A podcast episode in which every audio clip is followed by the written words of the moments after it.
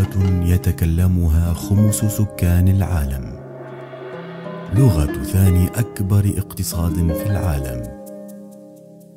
لغة تحيلك على خمسة آلاف سنة من الحضارة والتاريخ. اللغة الصينية. لنتعلم اللغة الصينية. في هذا الدرس سنركز على النغمات في اللغة الصينية. لاعتقاد بأهميتها ووجوب التأكد من تعلم النطق الصحيح منذ البداية. فقد يصعب عليك لاحقا تصحيح النطق ولن تفهم لغتك الصينية. سنتعرض هنا لخصائص أساسية للنغمات الأربعة في اللغة الصينية. في اللغة الصينية أربع نغمات. نسمعها مع بعض. النغمة الأولى.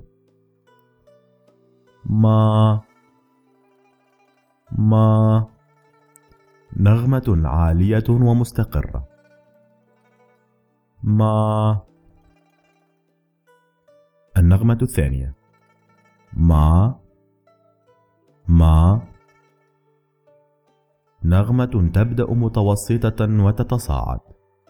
ما ما النغمة الثالثة.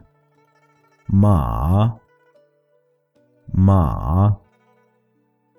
تبدأ متوسطة وتنخفض ثم ترتفع. مع مع النغمة الرابعة.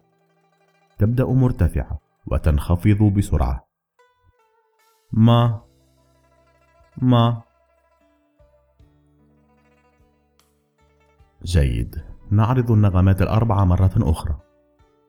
الأولى ما ما.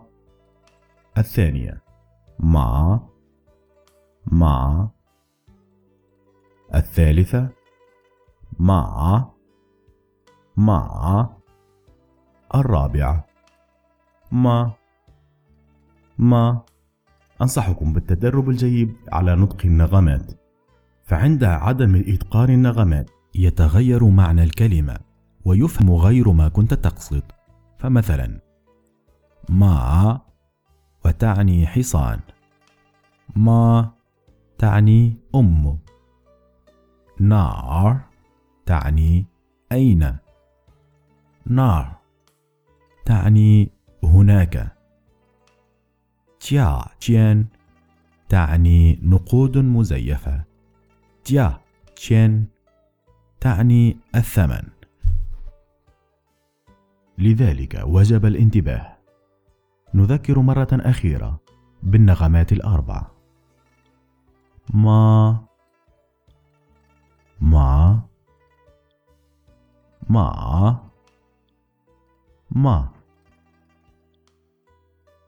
إلى هنا ينتهي درس اليوم. إلى اللقاء.